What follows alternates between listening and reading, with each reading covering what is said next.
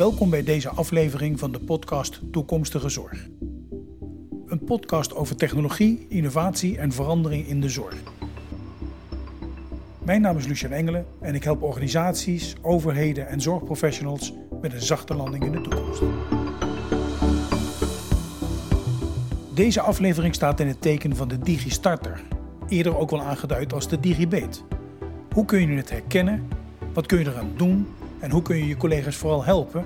Maar ook hoe komen we de taboe voorbij op dit onderwerp, waar veel mensen van denken dat het vooral in andere organisaties voorkomt en niet in je eigen. We praten erover met Suzanne Verheijden, een van de innovatoren die zelf met een programma is gekomen, digivaardigheden.nl. Ik ben strategisch innovatieadviseur bij eh, CRLO, grote aanbieder in de gehandicaptenzorg. En daarnaast werk ik als zelfstandige en mijn bureau straks is volledig gericht op de toekomst van zorg en de toekomst van de zorgprofessional. Ik ben jarenlang verantwoordelijk geweest voor innovatie bij uh, CRLO. En ik merkte dat er wat uitdagingen lagen in de vaardigheden van medewerkers om te kunnen innoveren. En daar richt ik mij nu volledig op. Wie ben je eigenlijk? Suzanne Vrijden. Suzanne, goedemiddag. Goedemiddag. Mooi dat je er bent. Dat is een hele mond vol van alles wat je al gedaan hebt. Ik weet ook dat je nog een hele hoop doet. Maar mijn belangrijkste vraag is eigenlijk gewoon: ja, waarom werk je überhaupt in de zorg? En waarom vind je dat zo belangrijk? Want ik weet dat je dat vindt. Ja, ik werk al, uh, al heel lang in de zorg. Ik heb een uitstapje gemaakt naar het bedrijfsleven. En toen dacht ik eigenlijk de hele dag: uh, wat doe ik hier? ik vond het werk heel erg leuk, maar het nut. Mijn werk moet nut hebben. En in de zorg zie je direct wat het effect is van mijn idee, in dit geval als innovator, op de zorg, op de kwaliteit van leven van mensen. En ik krijg ook nog wel eens een aanbieding om nu in het bedrijfsleven te gaan werken. En ik zeg altijd nee, mijn focus ligt op de zorg. En uh, ik heb het idee dat ik daar veel meer kan bereiken wat er echt toe doet. Dat zou je natuurlijk ook kunnen doen binnen het traject rondom opleidingen, scholing, uh, uh, voor de klas gaan staan of op een andere manier, zeg maar. En toch kies je voor die zorg. Ja.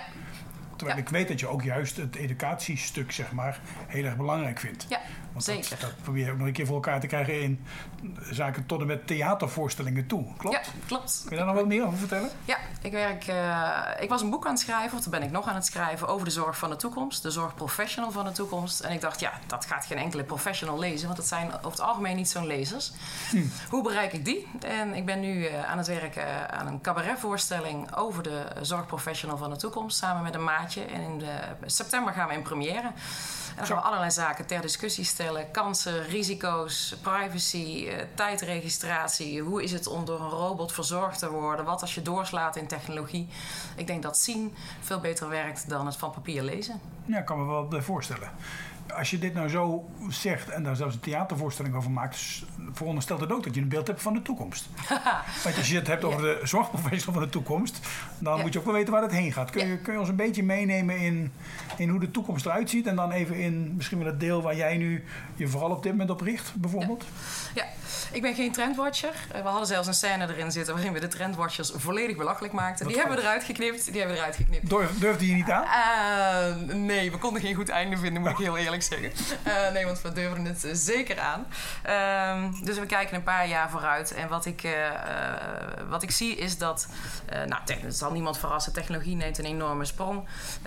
maar neemt een sprong in de bovenlaag van de organisatie... waar het op, in het uitvoerende vlak nog heel erg zit op producten. De Uh, al wat meer op beeldzorg, maar in de toekomst zal veel meer de grote technologie invloed gaan hebben. Veranderingen uh, in verdienmodellen, veranderingen in hoe de zorg georganiseerd is. Uh, de eerste robots zullen hun intrede gaan doen en we moeten eigenlijk, en dat is ook meteen mijn wens, eindelijk toe naar technologie die mensen echt ondersteunt, die echt aanzienlijk tijd oplevert. Je ziet nu dat het erbij komt.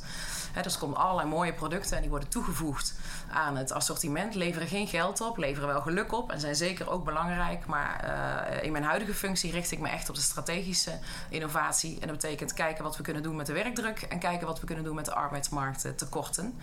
En daar kan technologie een enorme rol in uh, spelen. En uh, ja, verder, er zijn natuurlijk zoveel clichés over hoe de zorg van de toekomst eruit ziet. Hè. De, kenmerken, de basiskenmerken kent iedereen wel. He, veel meer naar preventie in plaats van naar uh, het behandelen van ziektes, positieve gezondheid, big data en alle zaken daaromheen. En ik probeer me zoveel mogelijk te richten op wat dat betekent voor de professional. Want ik vind dat die daarin nog wel eens wordt overgeslagen. En mijn credo, ook de vaardigheden mist om die technologie bijvoorbeeld in te zetten. Ja. Nou ja, weet je, als we kijken naar de zorgprofessional zelf, dat is ook een van mijn ja, stokpaardjes als je zo wil. Uh, is we moeten gewoon zorgen dat alles wat erbij komt, moeten we eerst iets uit, eruit gaan halen. Ja. dus in alle projecten die wij nu gewoon proberen voor elkaar te krijgen, zeggen we eerst wat halen we eruit voordat we iets anders erin stoppen. Ja. Mensen hebben te maken met 40% administratieve last. De percentages variëren een klein beetje. Maar de realiteit van alle dag is natuurlijk wel dat één ongelooflijk groot deel uh, opgaat aan dit soort zaken. Die ja. van deel belangrijk zijn en ook moeten gebeuren. En voor een deel ons eigenlijk niet eens meer kunnen vertellen waarom doen we dit eigenlijk weer? En waarom was, waar lag die oorsprong bij wijze van spreken? Ehm, ik zat laatst in een panel waarbij we geconstateerd hadden dat de, het, eh, als we die helft van die administratieve last terug konden dringen, hebben we eigenlijk het grootste deel van het arbeidsmarktprobleem. Ja, dat denk ik ook. Ja. Ik wil bij het arbeidsmarktprobleem nog heel even blijven staan. Ik ben niet zo van de problemen benoemen, maar toch, uh, het gaat natuurlijk wel erom dat we moeten zorgen dat er nieuwe mensen kiezen voor de gezondheidszorg. Ja. En dat we de mensen die zitten vooral blijven. Ja. En dat is wel iets wat ik in mijn dagelijks werk uh, wel zie en waar we ons ook al wat zorgen over maken. Herken jij dat? Dat mensen eerder af beginnen te haken? Zie je dat in de praktijk ook? Of zijn dit nu verhalen die mensen leuk vinden om te vertellen of opschrijven? Of kom je er ook echt gewoon tegen?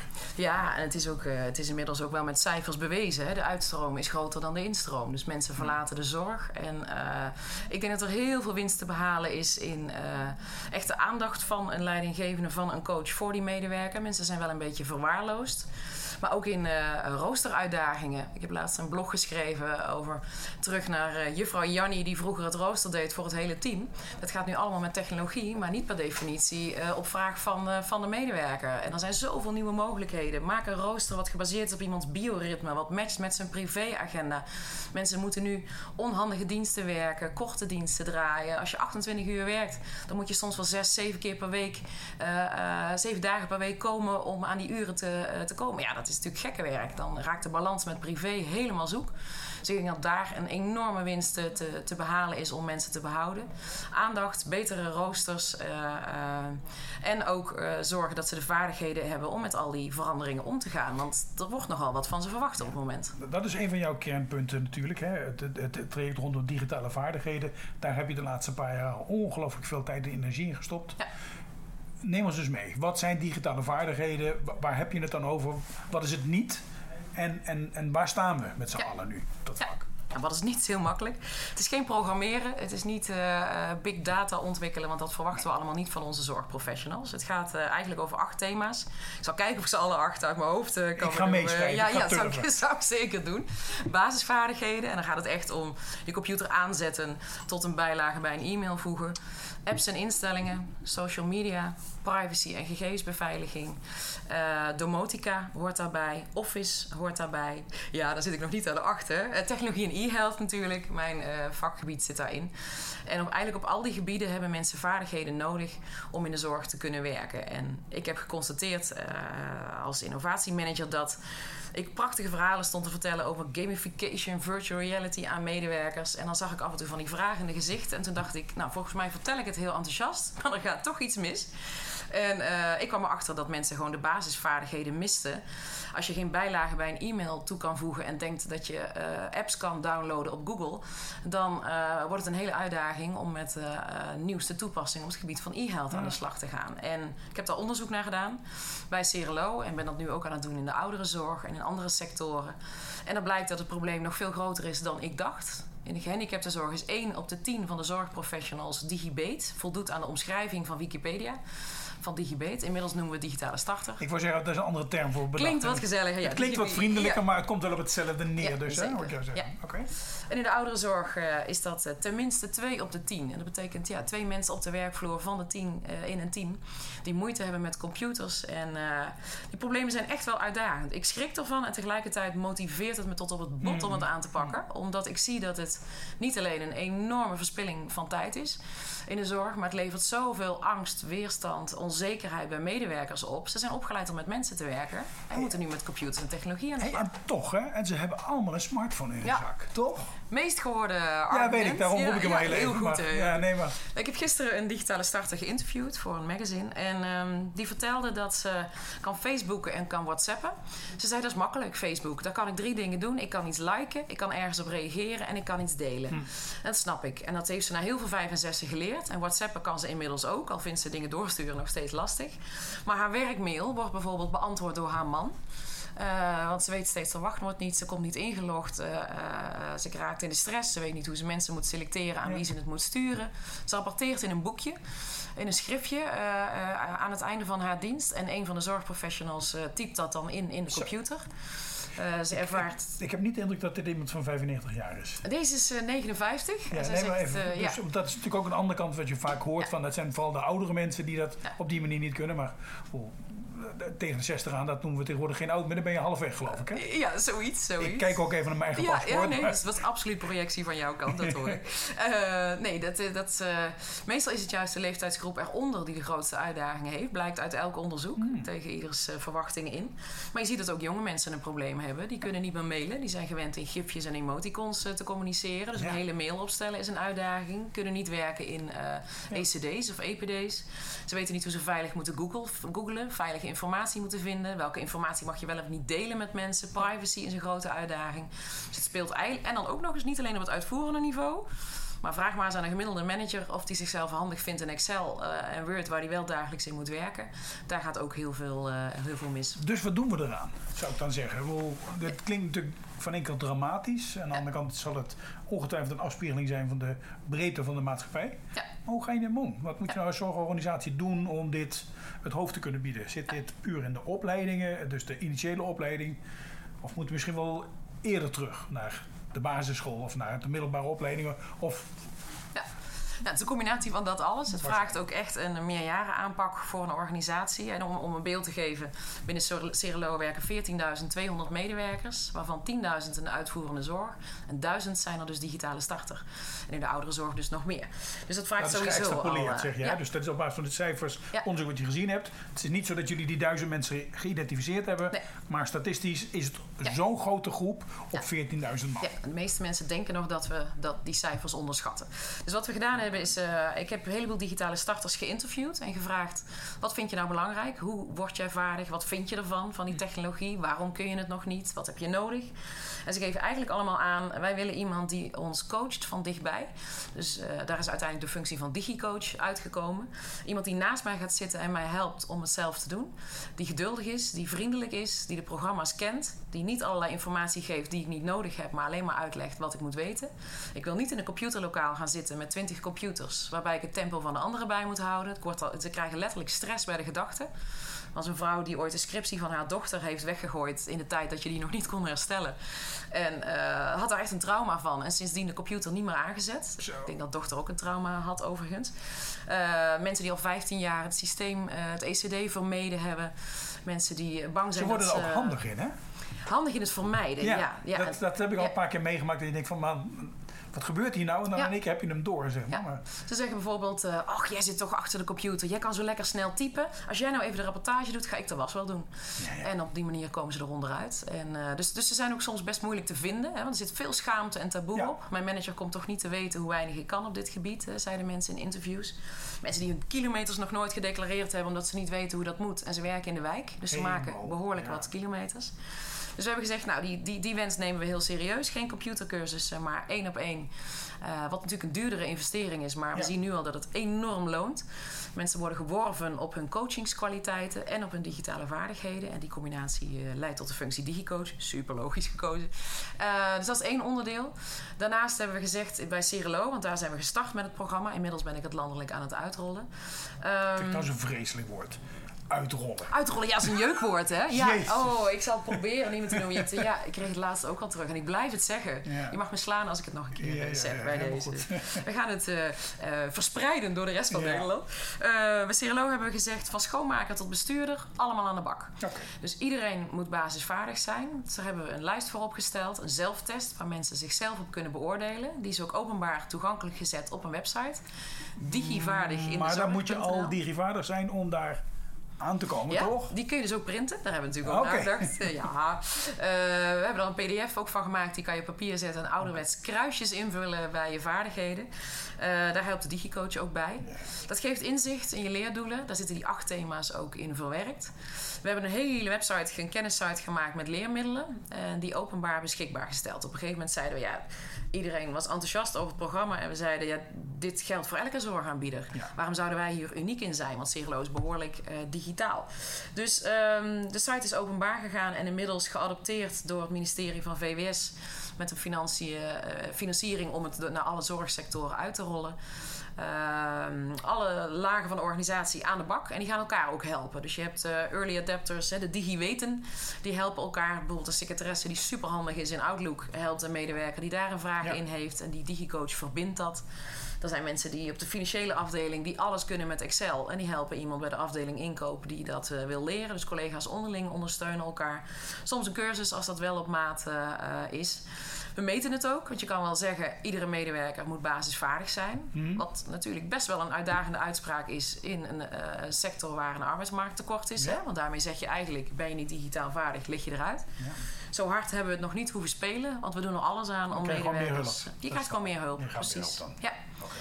En ehm, En jullie hebben er ook voor gekozen het niet voor jullie zelf te houden. Hè? Dat zeg je, Ja. er net een soort van bijzin. Ja. Hè, We hebben het op een openbare website gezet. Ja. Inmiddels is het ook geadopteerd door VWS. Ik Ja. geloof dat jullie samenwerking met ECP dit nu Ja. aan het oppakken zijn om dat te verspreiden. Om Ja. het woord uitrollen te vermijden natuurlijk.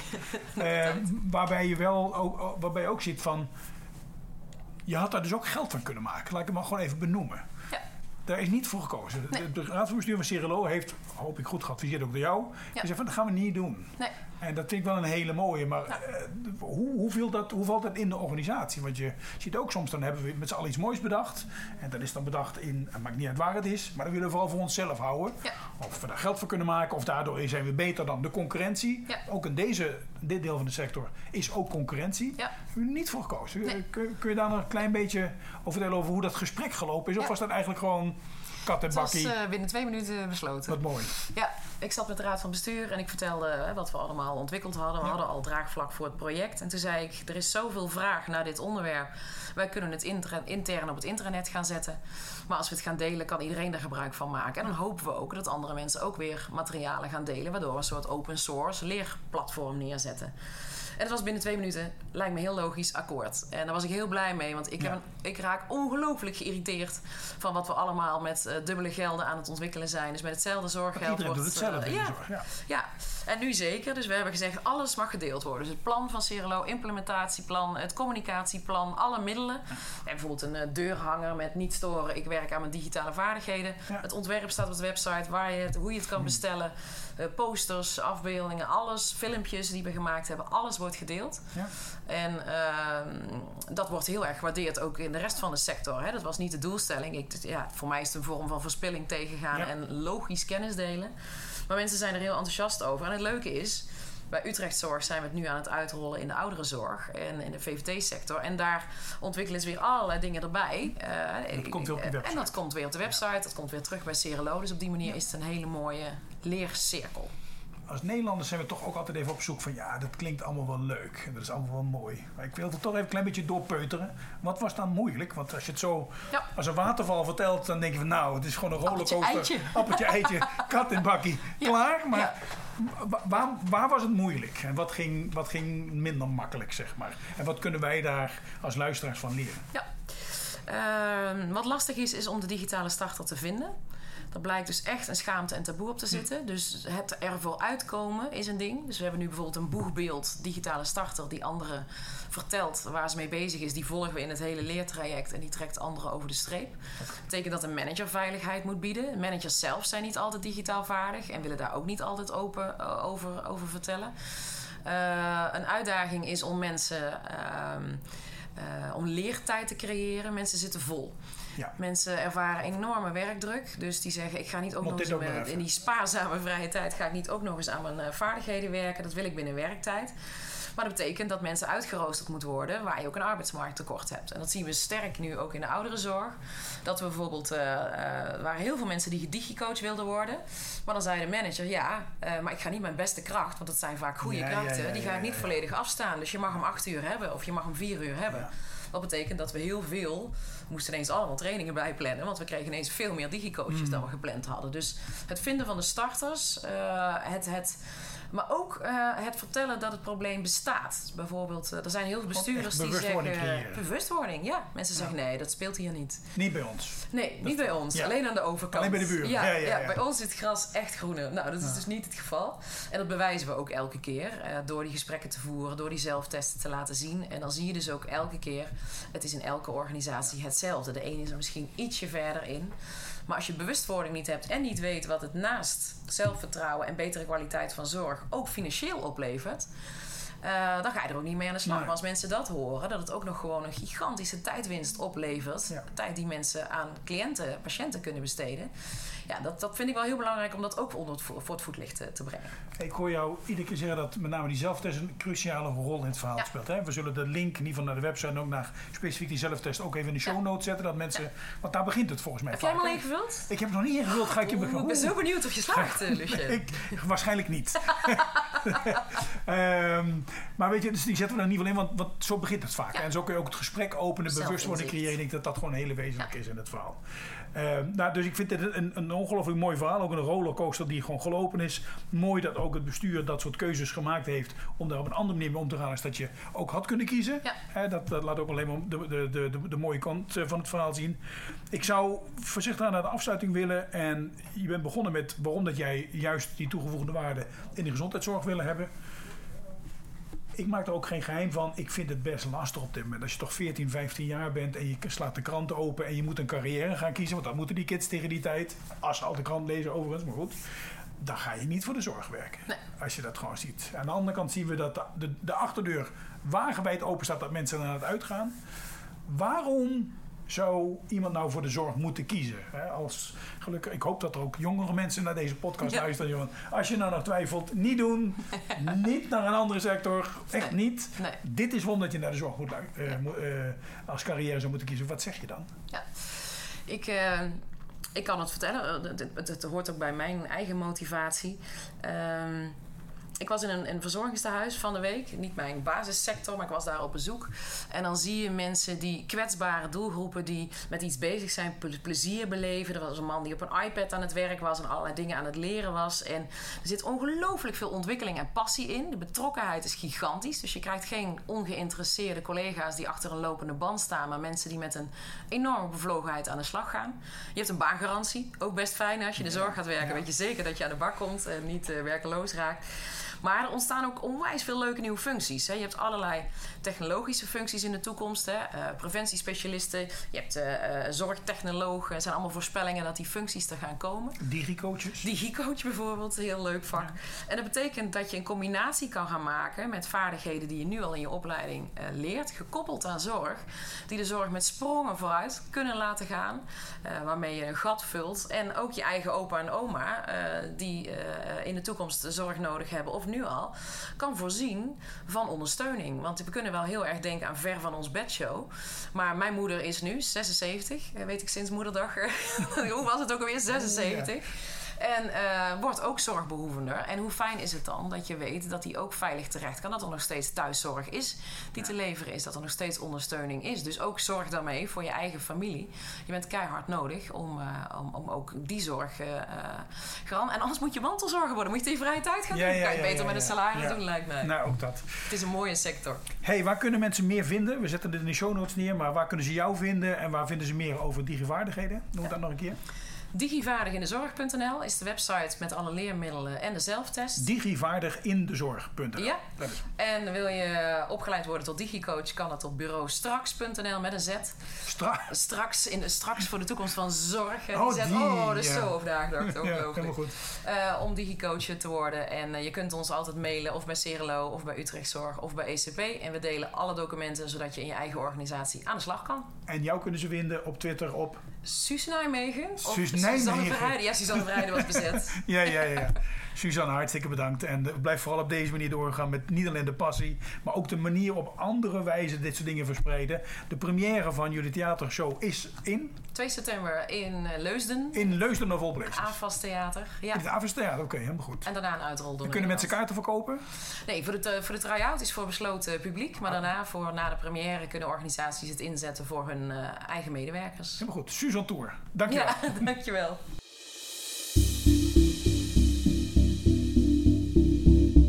U luisterde zojuist naar een aflevering in de podcastserie Toekomstige Zorg. Mocht deze naar meer smaken, kunt u zich uiteraard abonneren in uw eigen podcast-app om te zorgen dat u toekomstige afleveringen automatisch aangeboden krijgt. Mijn naam is Lucien Engelen en ik blijf ongeduldig.